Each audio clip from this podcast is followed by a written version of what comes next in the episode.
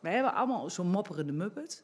En eh, je ziet daar ook een plaatje van een hond, die heeft dat niet. En toen kwam bij de Albert Heijn die Muppets en toen dacht ik, dit is het. Hè, deze is heel negatief, want 70% van wat jij denkt is negatief. Dat is wetenschappelijk onderzocht. Misschien denken jullie, ah, maar dat is voor oude mensen. Dat heb ik helemaal niet. Ik zit helemaal lekker in de wedstrijd. Nou, dat is al je eerste negatieve gedachte, dat je mij niet gelooft.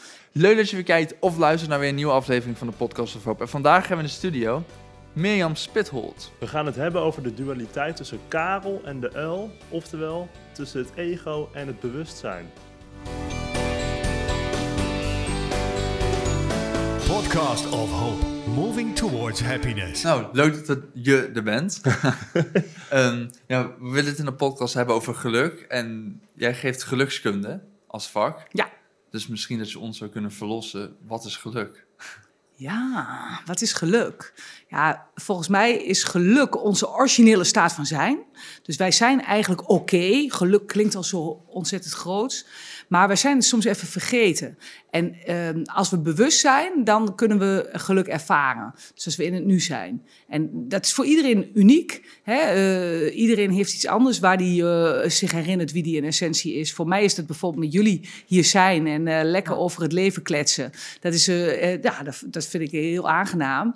En ik vind het ook heel erg mooi om met jonge mensen te werken, dus met studenten. Maar ik vind het ook mooi om grote groepen te inspireren. Maar ik vind het ook heerlijk om s'avonds een keer helemaal niet weg te hoeven en met mijn man op de bank te zitten en uh, zonder mobieltje oh ja. uh, echt geconnect te zijn. Dus ja, dat, dat zijn allemaal dingetjes waar geluk in zit. Of even ja, in de natuur lopen en je daarmee intens verbonden voelen. Dat zijn voor mij geluksmomenten.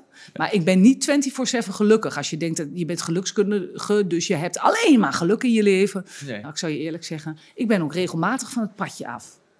En dan is het de taak om weer terug te komen op het pad. Zo is het. Maar ook niet alleen maar zo snel mogelijk terug willen komen. Maar ook even die emotie binnen laten komen. En denken, wat wordt mij hier eigenlijk aangeboden? Hè, wat kan ik hier, uh, ja, ja, wat kan ik hiermee? Of uh, niet het gelijk weg willen hebben. Want what you resist, persists. Dus soms ook gewoon omarmen.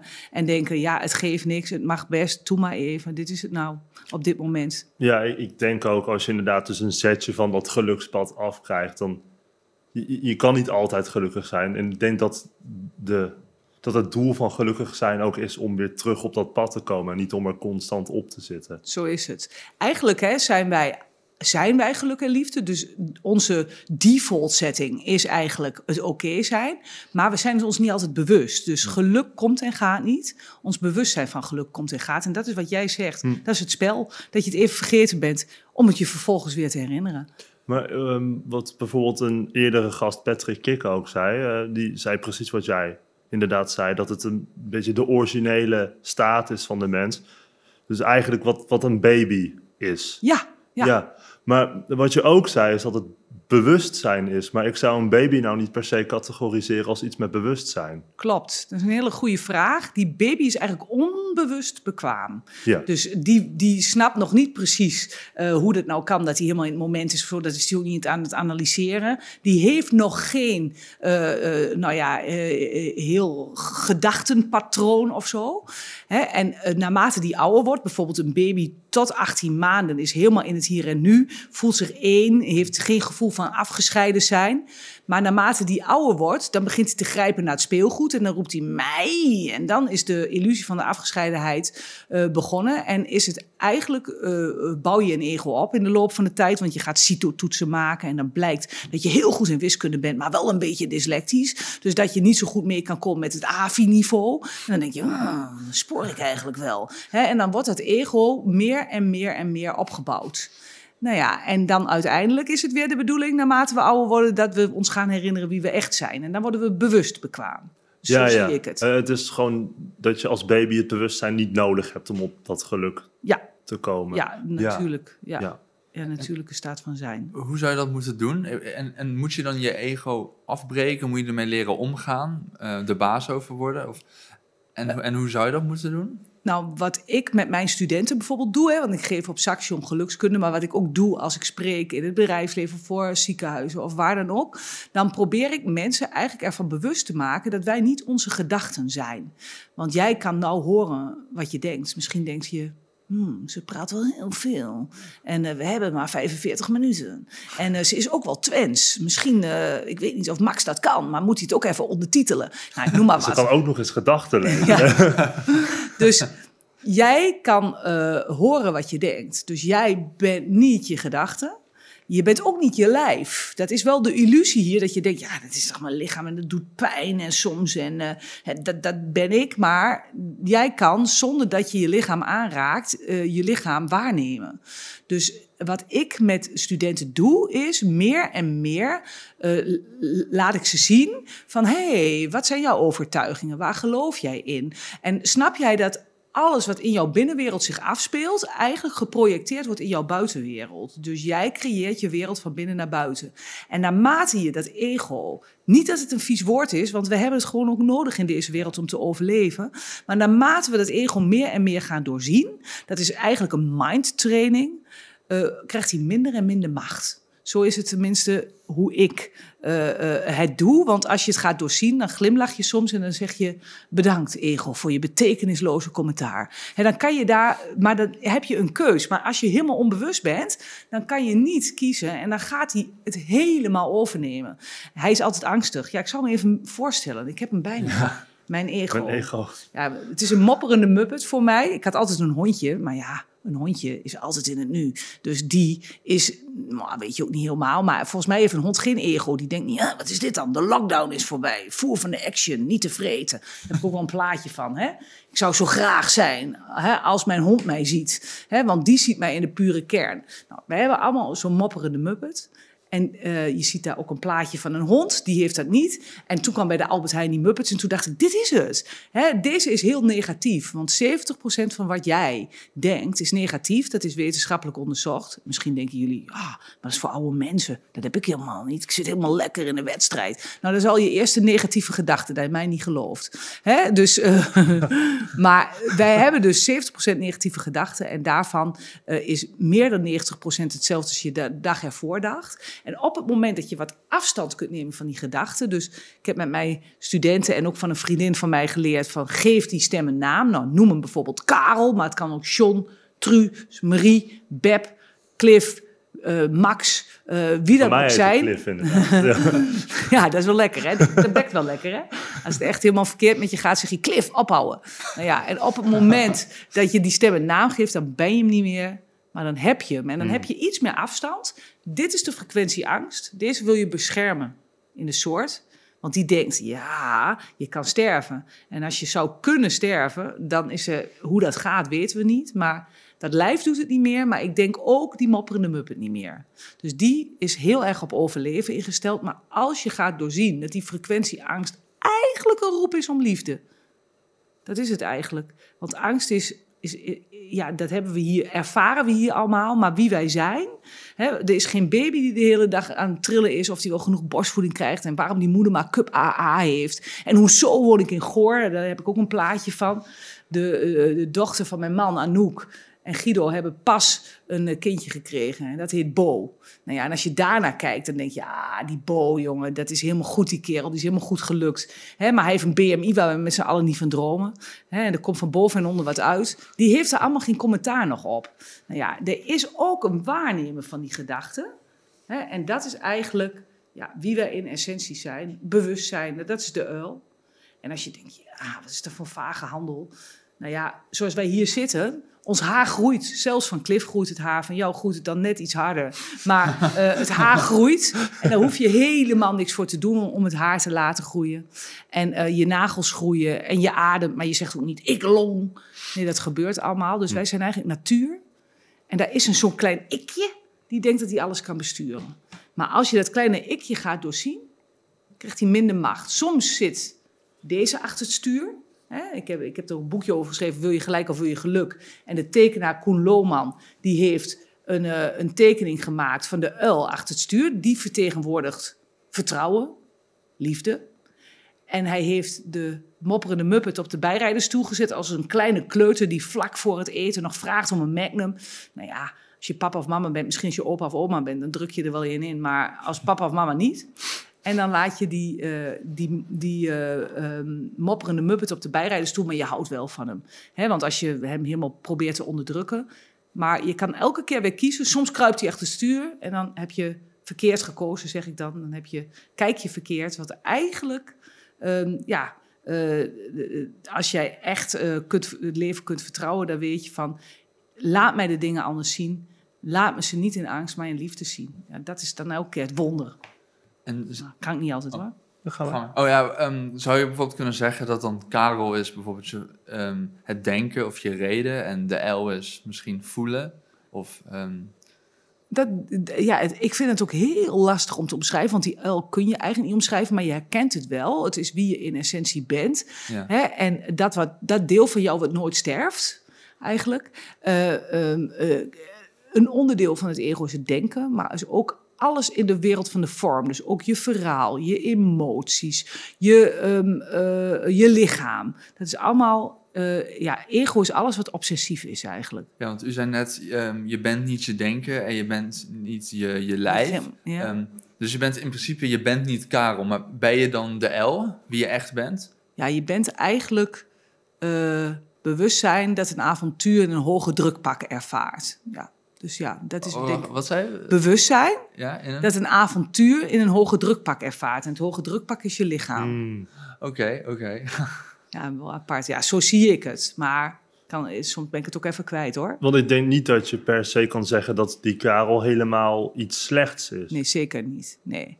nee. Dus het is ook niet slecht. En het is ook hier in de illusie, zijn, denken wij ook dat wij ons denken zijn. Dat is toch logisch? Als je studeert zoals jullie, dan doe je ook heel veel met je hoofd. En dan is dat ook een onderdeel van wie jij bent. Want anders kan je de studie niet halen. Dus het, zijn, het is ook niet waar dat je het helemaal niet bent of gebruikt. Maar het is niet... eh, ehm, ja, ik vind het wel mooi om te vergelijken bijvoorbeeld met iemand die sterft. Je hebt wel eens iemand gezien, misschien die uit vorm is gegaan. Of misschien niet, maar nou, wat Wat- zie je dan? Ja, gewoon eh, eh, bev- dat je iemand ziet, het stoffelijk overschot. Ja, oh, Oh. ja. Lichaam van Ja. iemand. Oh, dat heb ik nooit gezien. Nee, heb je nooit gezien. Maar, maar als je daarnaar kijkt, wat zie je dan? Ehm, Ja, een lichaam. ja, een lichaam. is dat ja. die persoon waar je eh, goed mee kon? Of, eh, Nee, nee, nee, helemaal nee, is meer de klopt. verpakking. Hè? Ja, In Twente zeggen we dan, heeft de jas u don, heeft de jas uitgedaan. ja. Of hij, hij is op de tiet gewoon. Want in die dimensie is geen tijd. Dat hebben we alleen maar hier. Hm.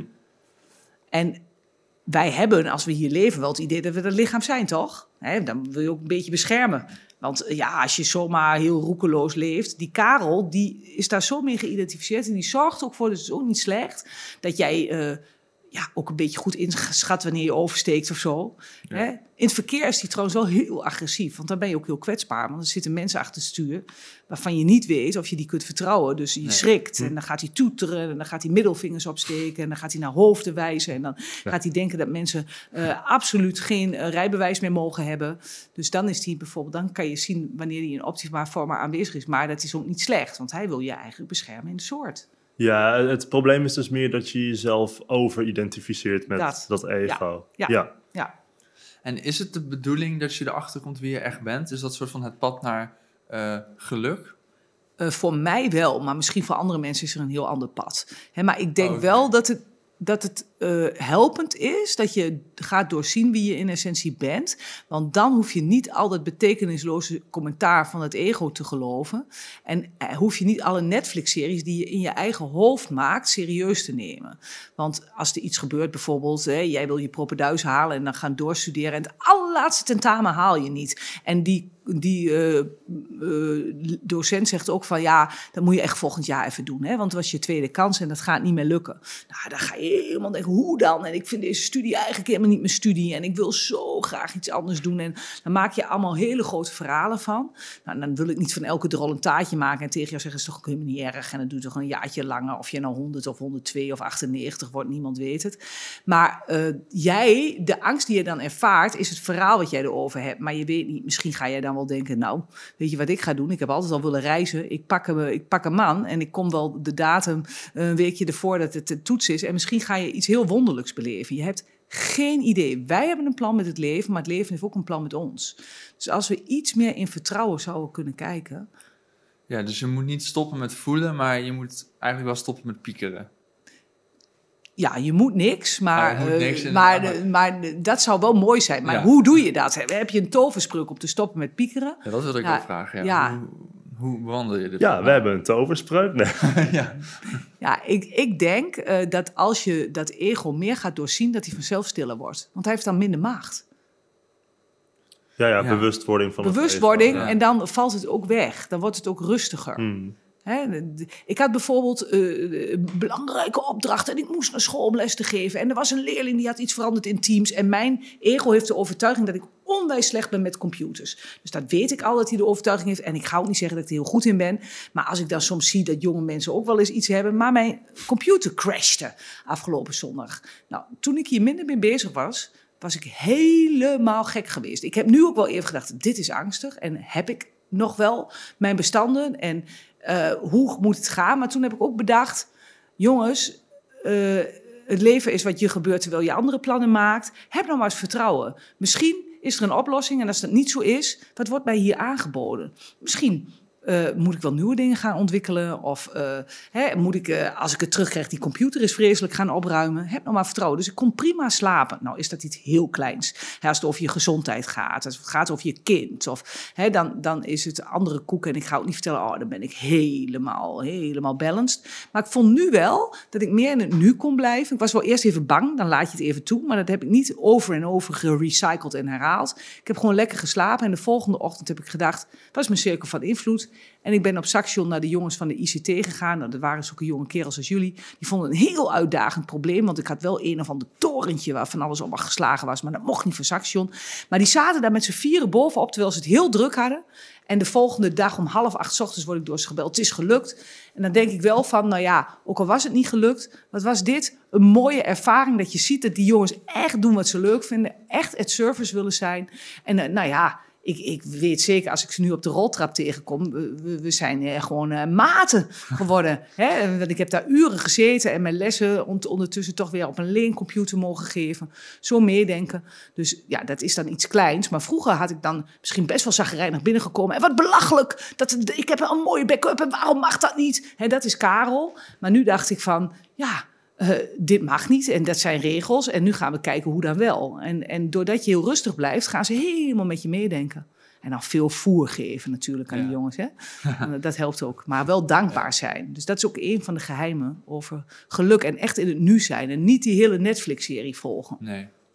En, en u zegt Saxion. U geeft gelukskunde op het Saxion. Saxion En- Hogeschool. Dat vak is gebaseerd op eigenlijk de hele theorie van Karel en de L. Ja, ja en eh, dat, vak is eigenlijk gebaseerd eigenlijk op een cursus in wonderen. Dus, en dat vertel ik die leerlingen niet, want dan krijgen ze ontzettende jeuk van. Want als je dat ziet, dan gaat het allemaal over eh, gelovige christelijke termen. Ik zeg ze het wel eens hoor, want sommige leerlingen die duiken er dan helemaal in. Want die zeggen, hier heb ik iets aan. Maar eh, ja, de mensen waardoor ik opgeleid ben, eh, die zijn, heel, zijn toevallig student van een cursus. Dus, en die kwamen op mijn pad, dus zo komt zo'n cursus op je pad. Maar het gaat er dus eigenlijk om dat je gaat doorzien hoe het menselijk systeem werkt. En eh, dat doe ik. Nu praat ik natuurlijk heel veel, maar dan geef ik opdrachten waardoor zij naar binnen moeten en gaan inzien van, oh, dit is bijzonder. En dit is ook precies hoe mijn vader praat. En oh ja, nou, nou, ik dacht dat ik helemaal niet op die man leek, maar dat is eh, ontzettend irritant. Hè, maar dan moet je ook weer niet irritant vinden. Maar dat inzicht, dat bewustzijn maakt dat eh, je misschien wel meer eh, geluk kunt ervaren. En hier op deze sheet, hè, ik, eh, de, voor de mensen die nu eh, kijken en niet alleen luisteren naar de podcast, dat is een soort van samenvatting wat ik eh, de studenten mee wil geven. En je kan het lezen door de ogen van Karel. En dan staat er. Karel zou denk ik zeggen, happiness is nowhere. Ja. En wat zal de uil zeggen? Oh, ik ben de L natuurlijk. Jij bent- Ja, jij bent de Ja, uil. Dat is duidelijk. Ja. Eh, happiness is nou hier. Ja, ik, ik ken hem ook al. Ja. Ja, ik speelde Ja, gewoon. want we hadden een video al van u opgezocht. Oh, wat leuk. Ja, Ja, en, en dit is dus, het is één shift in perceptie van angst naar liefde om een totaal ander Ja. perspectief te zien. Dus wat ik soms doe, als ik het even niet zie, dan zeg ik, laat me het even anders zien. Laat mij kiezen om te kijken door de ogen van de uil in plaats van de ogen van Karel. En dat helpt echt. En dan laat ik het ook over. En soms duurt het me veel te lang. En dan denk ik, "Ah, ik ben helemaal uit balans. Maar dan vergeef ik mezelf dan maar weer.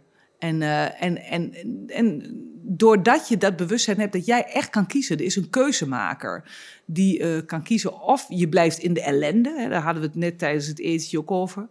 En eh, ik zeg, dat kan niet iedereen. Maar toen zei jij tegen mij, Eh, dat niet iedereen het misschien wil. precies. Ja. Want het is soms ook heel comfortabel om de leider te zijn met lange ei in plaats van met EI. Ja. Dus, ja, eh, vooral makkelijker, denk makkelijker. ik. Ja. dan, dan moet voor je gezorgd worden en dan heb je eigenlijk niet zoveel verantwoordelijkheid. En dan ben je. Hè, dus ja, en jullie hebben ook mooie gasten in jullie shows gehad, zoals Jaap Bressers, Hm. die eh, in een rolstoel zit. En daar had hij ook zelf niet bedacht dat hij dat eh, gezellig vond om daarin te belanden. Nee. Voordat hij tandpasta op zijn tandenborstel heeft, dan is hij ook een heel eind verder. En voordat hij 's ochtends aangekleed is, dan heeft hij allerlei hulp bij nodig. Maar hij heeft wel ja, eigenlijk van zijn pijn zijn goudmijn gemaakt. Hm. Hè, dus hij, hij is daardoor wel veel meer in het hier en nu en, en waardeert enorm eh, het leven. En eh, heeft een woest aantrekkelijke vrouw. Niet dat hij zelf niet woest aantrekkelijk is, dat is hij ook. Maar ehm, dan zie je dat eh, jouw perceptie van jouw binnenwereld ook weer wordt gereflecteerd in je buitenwereld. En dat was ook niet na zijn duikongeluk in één minuut voor elkaar. Dat hij even helemaal balanced was. Dat is een heel proces Nee, waar je ja, doorheen tuurlijk, gaat ja. natuurlijk. Hè? En ja, jullie hebben volgens mij ook wel gevraagd van, eh, nou, eh, eh, had je dit willen missen? En dan zegt hij van, eh, nou ja, de, de, die dwarslezing had ik niet willen hebben, maar de- die inzichten die ik heb gekregen, die vind ik echt heel waardevol. Ja. Ja, Ja, en ik kan me voorstellen als je met zo'n instelling door het leven gaat, dat je ook gelukkiger bent. ja, ja. Dat is eigenlijk loving what is, hè? Dat je eh, alles eh, wat er op je pad komt omarmt. Maar dat is wel lastig, want Karel heeft hele andere ideeën. Ja. Hè, maar dat, dat is next level, maar het is wel iets... Als, het, als ik in de, in de klas aan leerlingen vraag wie is jouw held of heldin... dan hoeft het niet iemand te zijn waar je alles leuk aan vindt... maar wel iets wat inspirerend is. Ja, dat zijn toch wel vaak mensen die hobbels en bobbels in het leven hebben gehad... en die ondanks dat toch hun, eh, eh, ja, hun pad weer hebben gevonden. En eh, dat, dat vind ik zelf ook heel mooi. Dus het is wel iets waarvan ik hoop dat ik die flexibiliteit heb. En dat ik het niet alleen kan als de computer kapot gaat. Maar dat ik ook nog even wat andere dingetjes aan kan. Want we krijgen allemaal wat. Hè? Het leven is een contactsport. En vroeg of laat wringt of schuurt het ergens. Ja. En stel je voor je volgt dan die course eh, gelukskunde. Eh, wat kun je daar dan mee? ehm, ik snap dat natuurlijk heel interessant is voor jezelf. En Ja. dat je er zelf al mee kan. Maar het is natuurlijk, het wordt gegeven op school. Op Ja, welke manier is dat verwikkeld in de... Ja, in, in bijvoorbeeld in het curriculum of wat er op je diploma komt te staan. ja wa- wat eh, bijvoorbeeld is, we doen het bij minoren. Want het is natuurlijk best wel experimenteel. Zo'n minor, daar kan je nog een beetje freewheelen. Oké, En er is ja. een minor bijvoorbeeld eh, creatief probleem oplossen. En bij die minor zit een hele grote poot persoonlijke ontwikkel, ontwikkeling. Dus naarmate je jezelf beter leert kennen, weet je ook beter hè, eh, om met eh, allerlei eh, uitdagingen om te gaan. En er is ook een minor die heet conscious business.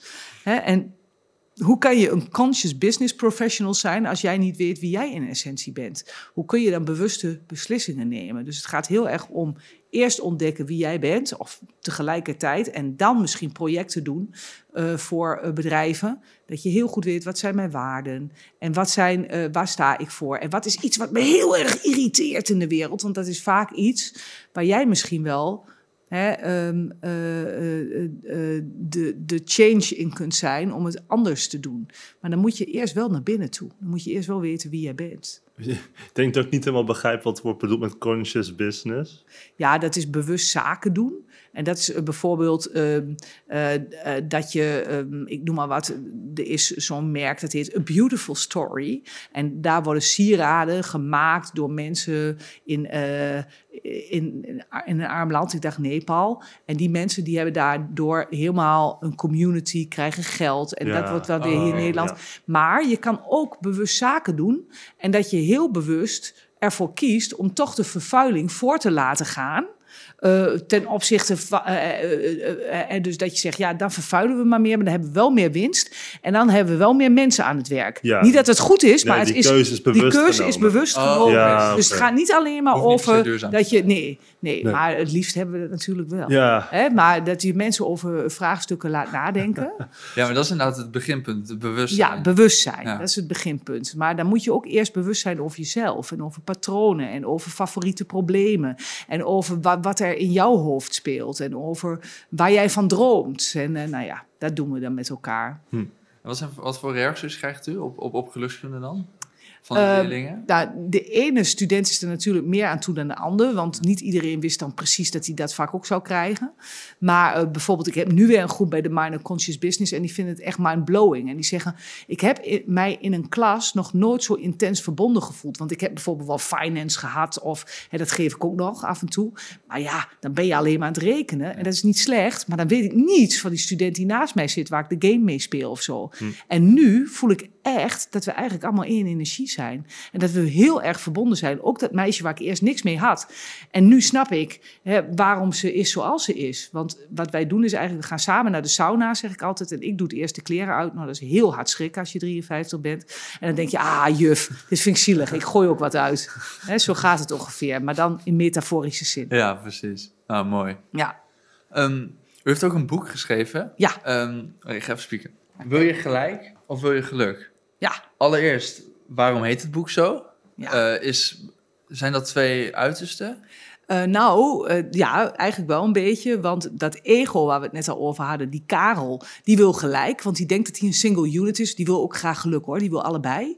En eh, die denkt als ik maar gelijk heb en die oordeelt. En die zegt, oh jij bent slechter dan ik. En oh, moet je dit eens zien. Bijvoorbeeld een programma op tv als Help mijn man eens klussen. Mijn leven aan puin. Een dubbeltje op zijn kant. Dat is allemaal voer voor dat ego. Want die denkt, ah lekker. Die houdt van vergelijken en die denkt dan van, ja ik heb ook een grote zooi in huis. Ik kan de harde schijf ook niet vinden om vijf voor twaalf s'nachts. Maar ik kan nog wel door de voordeur naar binnen. Hè? Dus dat is wat het ego daar heel erg van smult. Hè? En die wil dus eigenlijk gelijk en die wil vergelijken. Ook in de politiek zit heel erg veel van, ja, ik heb gelijk, dit is mijn standpunt, Ja. ik oordeel. Terwijl je eigenlijk samen werkt aan een mooiere wereld, als het goed zou zijn, op basis van liefde en niet op basis van gelijk. Maar wie wij echt zijn, dat is geluk. Dus als je niet je gelijk hoeft, maar eh, eh, soms ook gewoon denkt, we zijn allemaal één energie. En dat wat diegene zegt, dat raakt me enorm aan. Maar dat raakt iets in mij aan, mijn eigen wond.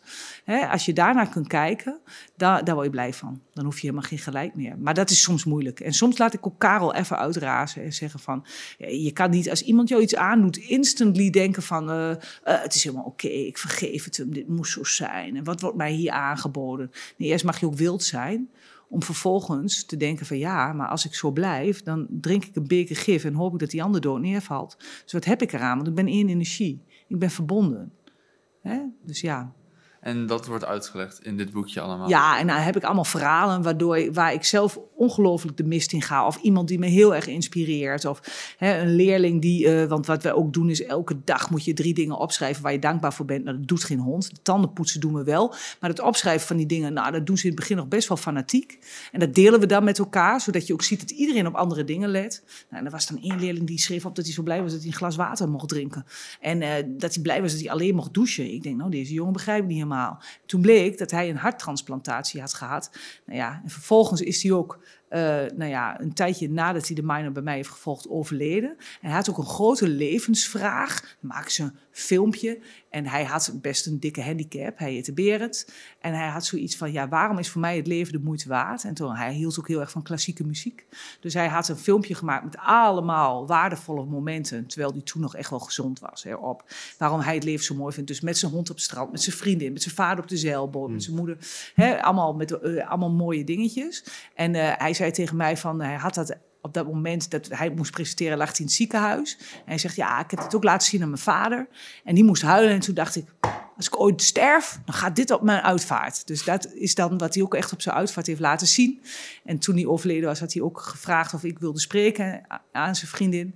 Dus uh, ja, en dan heb ik, toen het boekje verscheen, leefde die nog. Maar ik vond dat hij zulke bijzondere momenten noteerde, wat voor hem dankbaarheid was. Dus ik ben niet alleen hun teacher, uh, zij, zij, zijn ook mijn teacher en we zijn elkaar student en teachers. Ik denk dat dat wel in het onderwijs uniek is. Dat je dat op die manier ziet. En dat leerlingen die gelijkwaardigheid ook heel erg voelen. Dus zo'n verhaal heb ik er ook in staan. Berend, de Ja. koning van het geluk. Maar hij was natuurlijk naar zijn dierbaren absoluut niet altijd vriendelijk en aardig. En had hij ook een heel kort lontje. Dus het is echt niet eh, een een of ander verlichte figuur. Maar in de lessen had hij een hele mooie bijdrage. Waardoor wij dachten van... Nou, ik drink gewoon, ik tank even een halve liter elke keer en dan vul ik weer aan. En god, dat vind ik allemaal maar normaal. Dus eh, nou ja, dat soort dingetjes, Ja. dat, dat staat dan in het boek allemaal anekdotes. ja, dus er zijn allemaal voorbeelden van... En dat je dan inspiratie uithalen. en. Ja, inspiratie eruit halen. En ook wel in dit boek, eh, ik weet niet eens meer precies wat ik op heb geschreven. Ik zeg altijd, ik krijg het door. Ik ga zitten en ik laat de pen het werk doen. Ja. En op een gegeven moment ben je zo, eh, want je moet het heel vaak over en over lezen als het af is om de foutjes eruit te halen. Dat is niks voor mij, die precisie. En dat heeft Joost van Oebelkas ook heel veel voor mij gedaan en de redacteur. Maar uiteindelijk heb ik niet meer zo vaak gekeken. Maar soms ben ik wel eens van het padje af en dan denk ik, hmm, weet je wat ik eigenlijk moet doen? Ik moet een boekje van mij weer eens lezen. Volgens mij kan ik daar nog heel veel uithalen. dus en, en, en het is wel, het is ook wel gebaseerd op lessen uit de cursus in wonderen. Want die titel, wil je gelijk of wil je geluk? Dat is een zin uit de cursus. Oké, ja. Ja. En, en wat heeft u er to, ehm, tot toe gezet om, om, om een boekje te gaan schrijven? Of een boek, moet ik zeggen. Ja, ik vond het ook altijd wel een beetje spannend om een boek te schrijven. Ja. Een van mijn collega's op de podia in Nederland is Joost Voetbalkas. En die ging grapjes maken in de zaal. En die zei, nou, als je echt even een paar kilo af wil vallen... dan moet je een boek uit gaan geven, want dan word je hartstikke bang. Want eh, vlak van tevoren denk je, oh, als ze me niet afschieten. En dat is het meest kwetsbare. En eh, wij moesten dan wel samen spreken. En na die tijd had je een hele rij bij Joost... of die allemaal een boek wilde kopen, maar ook een hele rij bij mij... die zeiden, heb je geen boek? En ik wil even met je praten en ik heb nog een vraag. Hij zegt, jij bent bang. Jij bent bang om te shinen, zegt hij. Hij zegt, jij moet gaan. En dan zeg ik, als ik dan ga, doe jij dan het voorwoord? Hij zegt, ja, dat is goed. Dus en zo is het eigenlijk gebeurd. En toen, op het juiste moment, want ik ben altijd druk, druk, druk, druk, druk. Maar het was heel erg koud en er viel heel veel sneeuw. En ik hou niet van gladheid. Dan wordt mijn Karel heel bang, want die denkt dan dat ik eh, instantly eh, sterf of zo. Daar heb ik een, een, een, een Dat is angst ook wel een probleem natuurlijk. Ja. En toen dacht ik, ik ga zitten, ik ga het doen. Dus toen heb ik eh, een boek geschreven. En eh, nou ja, uiteindelijk heb je daarna nog best wel veel werk om het bij te schaven en te doen. Maar eigenlijk die eerste draft, en mijn man heeft heel veel geholpen met ook eh, meelezen. En zeggen, nou, dat zou ik even wat anders formuleren. En, eh, dus het was ook een heel mooi project. En, maar het was ook wel spannend, want je dacht ook, ja, misschien druk ik nou een boek. Ik deed in eigen beheer. En verkoop ik er geen in. Maar ik heb volgens mij al iets van de negende druk. Ik weet niet zeker, ga even spieken. Het is wel. Ja, negende druk. Zo, en eh, ja. per druk heb ik iets van, ja, niet eh, het ligt er als je negen drukt, 9 keer 100, en dan valt het mee. Maar ik dacht 1250, mijn ego zegt het er nou even bij, of, of 1400 of zo. Maar dat is best veel voor iemand die zelf een boek uitgeeft. En Ja. eh, Hm. daar heb ik het ook nooit voor gedaan. Dat ik dacht, oh, maar gewoon omdat het mijn vreugde was op dat moment, kreeg ik door. Dan ga ik schrijven. En, eh, en ik krijg ook nu nog heel vaak, en dat is hartstikke leuk, van mensen een appje van, ah, ik heb het gekregen in ons kerstpakket. En ik heb eigenlijk nooit de tijd genomen om te lezen, maar ik zit nu op Aruba en ik lees het boek en ik heb de tranen in mijn ogen. Wat heb je dat mooi gedaan? En dat is heel leuk. Ja. Het slaat wel aan dus. Het- Ja. Ja. Alles. Ja, ja. Maar, maar die angst om dan te beginnen met schrijven en of het dan wel goed aankomt, dat is allemaal dat ego. Allemaal het ego, heel Ja. goed. Dus als je eigenlijk unbalanced bent, dan weet je zeker dat Karel achter het stuur zit en Ja, niet ja. de uil. Maar heel vaak hebben wij niet eens door dat we bang zijn. Want ik dacht altijd, ik heb er geen tijd voor om een boek te schrijven. Maar toen Jozef Oebelkas tegen mij zei, maar je bent bang. Ja, Toen dacht dat ik, is wel smoes, ja. je hebt me. Want dat is zo. Ja. Ik vind het eng. Ja, Kan het ook zo zijn dat Karel gelijk heeft op een, moment, eh, een keer en dat ze gewoon naar hem moet luisteren? 1 tot 2 procent van wat hij zegt, doe je wat mee. En, hoe, rest niet. en hoe weet je wanneer Ja, dat zegt wel wat mee kan? Of moet je eigenlijk gewoon altijd de elf volgen? Ja, het zou zo mooi zijn als je gewoon in vertrouwen het leven kunt eh, omarmen. En niet bij alles denkt, eh, kan ik die vent wel geloven? Want misschien heb je gelijk en, en denk je van, ah, die heeft gewoon mijn vriendinnetje ingepikt of zo, of mijn vriendje. Hè? Maar ja, heb je dan zin om de hele tijd eh, zo naar te denken over iemand? Of denk je van, nou ja, het kon niet anders gaan dan dat het ging. Hè? Dus het is aan jou om de hele dag te kijken in angst of dat je kijkt in liefde. En ja, Hmm. ik denk altijd, we zijn hier geland op aarde in een hoge drukpakje. En volgens mij eh, is het al lang bepaald wanneer we er weer uitgaan. Dus eh, laten we maar gewoon genieten van het onderweg zijn. Zou je kunnen zeggen dat een ideale staat van zijn er één is waarbij Karel echt alleen komt als je hem nodig hebt? Gewoon dat je hem misschien kan oproepen in een gevaarlijke situatie of zo? Ja, dat, daar lijkt hij me wel. daar is het heel handig handig voor. voor, ja. ja. Moeders die ineens auto's kunnen Ja, ja, dat soort dingen. Ja, ja, ja. ligt. ja. Oh ja, Dan is het wel handig, Ja. inderdaad. Ja, dat zou, dat zou heel mooi zijn. Maar ja, ik ben nog niet zo ver, laat ik maar zeggen. Ik heb hem er ook heel vaak achter zitten als die absoluut niet nodig is. Hmm. Dat heb ik nog wel. Maar ja, dat is een vergevingskans. Ja, En- staat er ook wel op. Vergeven is wel een van de... De cursus in wonderen gaat eigenlijk alleen over vergeven. Dat je elke keer weer terugkomt bij de kern. Dat je vergeten bent wie je bent. Dat je bent gaan geloven, dat ego. Ja. Dat het niet de waarheid is over jezelf. Maar je, je vergeeft jezelf dan dat je Dat je bent dat gaan ego bent gaan geloven. Ja, dus eh, ooit, hè, als heel klein kind, er komt heel veel uit je jeugd. Ben je misschien naar binnen gehold, hè? En eh, de vader van Cliff zit hier. Je had een eh, lieve heersbeestje op je vinger en je wilde hem laten zien. Maar je vader was heel serieus en was heel hard aan het werk. En zegt, Cliff, nu even niet. Ja, en toen ben jij gaan bedenken dat er geen... hè, dat, dat, dat kan, dat jij daar misschien... Of je een broertje of zusje hebt, weet ik niet. Maar als die dat had gedaan, had hij gedacht van... pff, boeien. Maar jij hebt misschien gedacht, ja, hier in, in huis is er helemaal geen tijd voor mij en ik word niet gezien. En er is geen tijd voor vruchtvolle dingen delen. En dan kunnen er nu weer situaties zijn waarin dat geloof bevestigd wordt. Niet alleen door je vader, maar ook in de supermarkt door iemand. Dus dan wordt er eigenlijk zout in die wond gestrooid. Maar dat is een mistaken belief. Je bent iets gaan geloven over jezelf dat niet de waarheid is. En dat, en dat is elke keer weer eh, vergeef me dat ik, dat ik dit geloof en dat ik, dat ik eigenlijk vergeten ben wie ik in essentie ben. Daar komt het elke keer op neer, maar dat is wel hard werken. Ja, want hoe kom je er überhaupt achter dat je zoiets gelooft? Ja, eh, door, als je je niet in balans voelt, hè, er gebeurt iets, bijvoorbeeld iemand snijdt je de weg af of zo. Of je staat te dicht op iemand in de coronatijd. Of, eh, hè, en, en, en iemand begint te schreeuwen, nou dat vind je gewoon niet prettig. Dan kan je terug gaan schreeuwen, dan heb je Karel tegen Karel, dan kom je er nooit uit, want je wil allebei gelijk. De een zegt die anderhalve meter is bullshit, dat werkt helemaal niet. Dat kan meneer Rutte wel bedacht hebben, maar is onzin. En de ander zegt, nou dat is heel belangrijk, want ik ken iemand, die zit, ligt nu op intensive care en die is veel te dicht bij iemand anders gaan staan. Hè, ik noem maar iets. Dus daar kom je niet uit. Maar je kan ook denken, waarom word ik nu zo aangeraakt? Hmm. En als je dan kijkt, dan ga je denken, heb ik me... Dan ga je bekijken van, ik voel me niet oké. En de tweede stap is, het gaat altijd alleen over mezelf. Niet over diegene die me afsnijdt in het verkeer. Niet over diegene die moppert omdat ik te dicht op hem sta. Niet om die leraar die zegt, wat ben je eigenlijk een domme sukkel. Je studeert wiskunde, je bent al tweedejaars en je weet het nog niet. Nee, het gaat altijd over jezelf. Hè? Dus als je dat kunt inzien, Ja. eh, dan eh, blijf je eigenaar van je gevoel. Hè? Want anders ga je wachten tot iemand eh, het goed maakt. Maar ja, dan kan je lang wachten tot je een on, ons weegt, want die is misschien helemaal niet zo bewust. En dan ga je bedenken, heel specifiek, welk gevoel is dit nou, wat dit in mij oproept. En dan niet alleen maar van, ik voel me niet in balans, maar ook bijvoorbeeld, ik ben boos, of ik ben geïrriteerd, of ik ben jaloers, of ik ben, eh, ehm, eh, nou ja, je kan het... eh, arrogant vind ik dit van diegene. Je hebt een hele lijst waarin je eigenlijk kan benoemen wat het met je doet. En dan is de volgende stap, heb je dit gevoel vaker gehad? En dat is altijd zo. En als je dan even rust neemt, dan kan je zien dat het iets uit je jeugd is vaak. Ik vind het bijvoorbeeld heel erg moeilijk om te wachten. Niet meer normaal zo moeilijk. Maar dat, bij ouders hadden schoenen, vroeger schoenenwinkels. Dat was knetterdruk. En dan stond ik daar met een papiertje. En dan zei mijn moeder straks. En mijn ouders zijn heel liefdevol en hebben echt alles gedaan. En zijn super gek op mij en op mijn zus. Niks mis mee. Maar ik ben op dat moment gaan geloven dat ik niet gezien werd en dat ik niet genoeg was. En heel vaak komt, als je dat doorhebt, uh, dat triggert bij mij best wel veel. Maar ik ga nog niet zeggen dat Guido en Anouk, de ouders van Bo, niet diezelfde valkuil ingaan. Dat is eigenlijk ook een beetje nodig. Want uh, daardoor kunnen we wakker worden.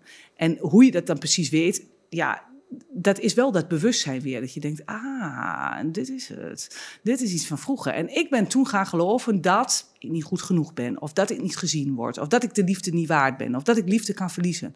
Maar dat is die mistaken belief. Maar als je het één keer ziet, het is geen quick fix of zo.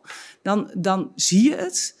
En dan duurt het misschien minder lang, maar dan zie je ook dat het zich best wel vaak herhaalt. En dat je elke keer weer dat werk moet doen. En dit werk heb ik niet zelf bedacht. Het is Diederik Wolzak, dat is ook een, studi- een, een, ja, een student van de cursus. Waanzinnig interessante man, woont in, uh, zo oud. En woont in uh, Costa Rica soms en soms ook in uh, Canada, geloof ik. Maar Diederik Wolzak, ja, die heeft zo'n six, six steps method. Dat doe ik ook met mijn studenten. En bij sommigen slaat het helemaal aan en bij anderen zeggen, nou, het gaat helemaal niet over mij. Ik, vind- ik vind het belachelijk wat jij nu zegt. It's all about me. Diegene die doet mij toch wat aan. Doe even normaal. Hmm. Dus, en dat mag ook. Dan ga ik ze niet overtuigen. Maar dan denk ik, je zit niet voor niks in deze les. Het zaadje wordt geplant. Want als je deze houding hebt, het is niet fout. Maar dan blijf je lijden. En dan neem je geen eigenaarschap. Ja, dat is wel iets wat het ego zou zeggen. Dat, Ja. ja. Dat ego zegt dan, "Eh, dit is niet waar. Nee. Ja. En u had het net over, wie zei Diederik? Wolzak. En u heeft dat gelezen en toen bent u geïnspireerd om dit idee te creëren over Karel en de L?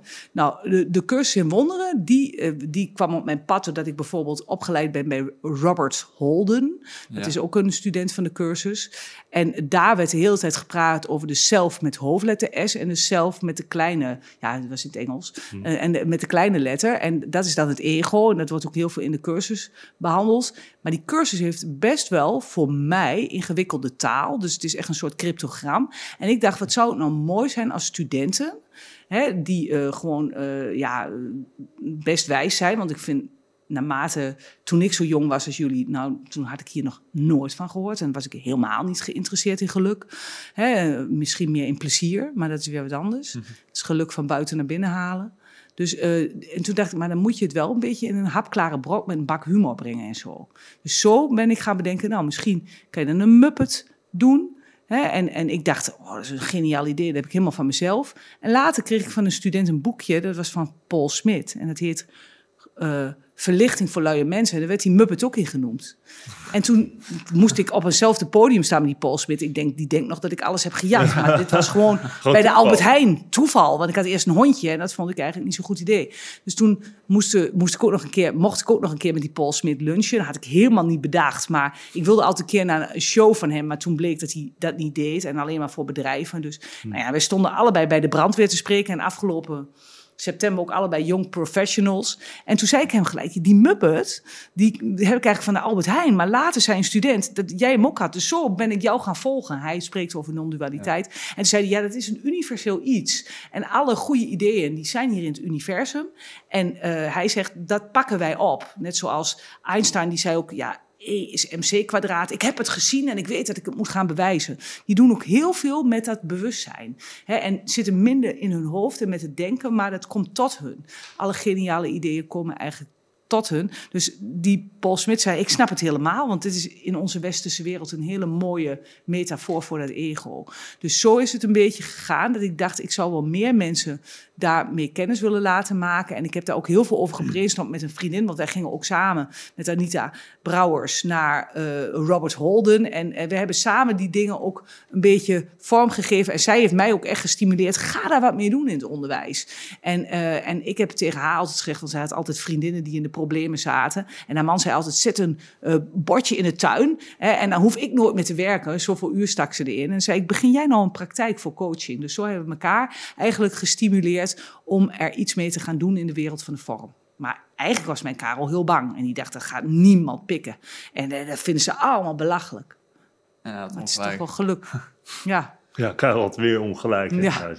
lachen. Nou, we vragen onze gasten ook altijd of ze een voorwerp willen meenemen. Waar ze gelukkig van worden of waar ze inspiratie uit halen.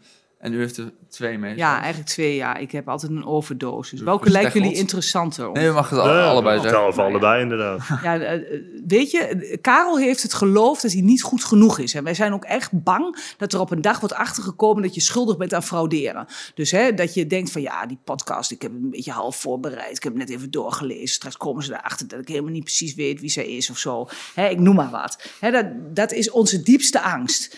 Denken we. Maar eigenlijk is onze diepste angst niet dat wij onvolmaakt zijn, maar dat we eh, eh, ongelooflijk geniaal zijn. En dat, iedereen heeft dat. We hebben allemaal een unieke kracht. En durf jij nog te stralen, net zoals een heel klein kindje dat nog doet. Hè? Durf jij, eh, eh, als, als jij binnenkomt, dat het licht aangaat. Dus, en ik heb altijd zoiets van, je hebt een keuze. Hè? En, en dat is eng, want dan steek je ook met de kop boven het maaiveld uit. En dan, dan is het ook dat mensen eh, eh, misschien eh, iets van je vinden. Hè? Dus eigenlijk willen we ons onnodig klein maken. Maar als jij durft te stralen, dan geef je andere mensen ook de permissie dat te doen. En wij zijn hier allemaal gekomen om te stralen.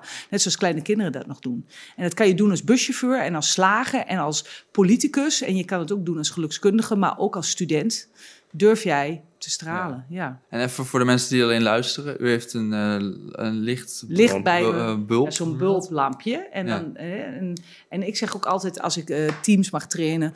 eh, ja, jij bent verantwoordelijk voor de energie die je meeneemt. En soms heb ik ook een dag met algehele staat van ontbinding. Hè, want dan heeft Karel het gewonnen. En dan zeg ik dat ook gewoon. En dan zeg ik, ik kan het even niet vandaag. Maar zodra ik met mijn beroep bezig ga, dan gaat het er weer helemaal goed. Want ja, dan herinner ik me ook weer wie ik zelf ben. Ja, Ja. Gewoon Mooi. even een keer een kareldagje. Dat, Ja, eh, dat is ook wel lekker, hè? Ja, soms kom ik thuis en dan heb ik allemaal klachten. En zegt mijn man, ben jij nou gelukskundig? En dan zeg ik, ik vind het gewoon even lekker. Ik ben gewoon even Karel. Ik ben even gewoon, even gewoon helemaal... eh, hè, maar het is helemaal niet lekker. Wie vindt het nou lekker om in de mopperstand te zitten? Dat is helemaal niet lekker. Echt niet. Ook niet. Dus je hebt, je hebt een keuze. En ik denk dan altijd, als jij durft te stralen...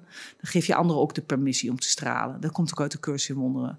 Dus eh, ja, dat is wel inspiratie Ja, voor mij. Ja, en het tweede Ja. voorwerp. Ja, dit heb ik... eh, ik had ooit een tas en die was geborduurd. Mhm. En eh, de broer van mijn man, die heet Erik, en die overleed aan een hersentumor, veel te jong. En het zou ook verboden moeten worden volgens Karel. Maar toen hij heel ziek was en hij stortte heel veel, toen zei hij tegen mij, "M- maar, maar jij moet ook praten op mijn uitvaart. En hij zegt, want het moet ook luchtig zijn, er moet ook humor zijn. We moeten onszelf vooral niet te serieus nemen, we moeten ook allemaal verder. Nou ja, en toen stond ik daar op die uitvaart, maar ik was natuurlijk super droevig. En, en, hè, want ik snap misschien wel dat we niet ons lichaam zijn, maar je wilt op dat moment iets wat helemaal niet kan. Je wilt dat hij weer terug is, dat hij gezond is en dat hij voor zijn zieke vrouw nog steeds kan zorgen. En dat je hem kan knuffelen en van alles en nog wat. En, en je vindt het oneerlijk. En toen dacht ik, wat kan ik hier nou over vertellen? En wat ook nog een beetje opbeurend is. En toen zei ik, nou, als, als ik in dit level van Mario ben, dan denk ik, er klopt hier iets helemaal niet. Dat je 53 bent, een vrouw met twee hersenbloedingen hebt, die gehandicapt is, die je achter moet laten. Twee ouders die best oud zijn en die dit moet gaan verwerken. Dit zou verboden moeten worden. Dus als wij in dit level van Mario staan, dan zien we alleen maar de draden van het borduurwerk. En we denken, dit is helemaal belachelijk. En toen zei ik, maar Erik, ik hoop dat jouw bewustzijn, jouw ziel of whatever, nou in dat level van Mario is, die erboven hangt en die snapt dat dit een borduurwerk is, dat perfect klopt. En dat het niet anders kon gaan dan dat het ging. En dat betekent niet dat ik immediately kon stoppen met huilen of eh, kon stoppen met eh, verdrietig zijn of met rouwen, want dat hoort erbij. Hè? Dat is die, die leeuw in de bek kijken. Maar het is wel dat je een soort van dieper vertrouwen hebt dat het eh, leven dat wij hier spelen maar een onderdeel is van een heel veel groter geheel. En dat wij niet die gedachten zijn, niet ons lijf zijn, maar heel wat anders. En als je daar al mee bezig bent voordat je gaat sterven, dan ga je niet meer dood als je doodgaat. Maar oeh, ik heb ook nog geen zin om uit de vorm te gaan. Dat kan ik je wel vertellen. Want Karel die wil nog wel heel graag even hier een aantal dingetjes doen. Ik ben er nog niet klaar voor. En dat is ook ongezond. Nee, precies. Maar dit is dan wel de metafoor voor vertrouwen hebben. Ja, Heb jij gewoon, vertrouwen? gewoon dat idee van het, het is allemaal Gods plan. Ja, dat zou je kunnen zeggen, maar ik ben, ik, ik ben dan niet zozeer van een kerk en God. Dus ik zou zeggen eh, het universum. Ja. Eh, en, en, en, en een dieper vertrouwen. Want ik zou knettergek worden als ik eh, dat eh, niet zou zien. Want ja, dan zou ik ook denken, wat belachelijk. Hè? En, en, en, en ik krijg soms ook wel echt knipogen van die energie van de mensen die eruit is gegaan. Dat ik denk, ja, there must be more. Maar hoe het zit, weet ik niet. Maar met mijn zintuigen, onze zintuigen, kunnen we het niet zien. Maar bij mij is dit derde oog niet altijd helemaal goed gesloten. Dus soms ineens komt Berend voorbij. En nu ook op weg hier naartoe. En dan denk ik van, ja, blijkbaar wil hij even genoemd. Nou, het is, ge- het is gelukt. Ja, ja. Het is gelukt, Berend. En ik weet het helemaal niet zeker. Maar het maakt me in ieder geval blij, die gedachte. Ja. Hè? En, en, en of het niet zo is, nou ja, dan heb ik het nu even lekker. Toch gewoon, hè? Ja, dat is ook wel weer zo. Ja, Ja, dat is ook wel weer zo. Hè, misschien is het hierna wel pikzwart en helemaal klaar. En dat is ook eh, dikke prima. en dan, dan heb is ik onder, dat is ook ja. goed. Hè? Maar ondertussen is mijn Karel nou even gerustgesteld. Ja. En is de uil, mag dan ineens wel achter het stuur. Die geeft even wat dingen door. Kan Hè? alleen maar meevallen anders. Zo is het. Ja. Ehm, ja, we zijn bij het einde gekomen. En we vragen altijd onze gasten of ze nog een, eh, een tip willen geven. Eh, voor de mensen die luisteren.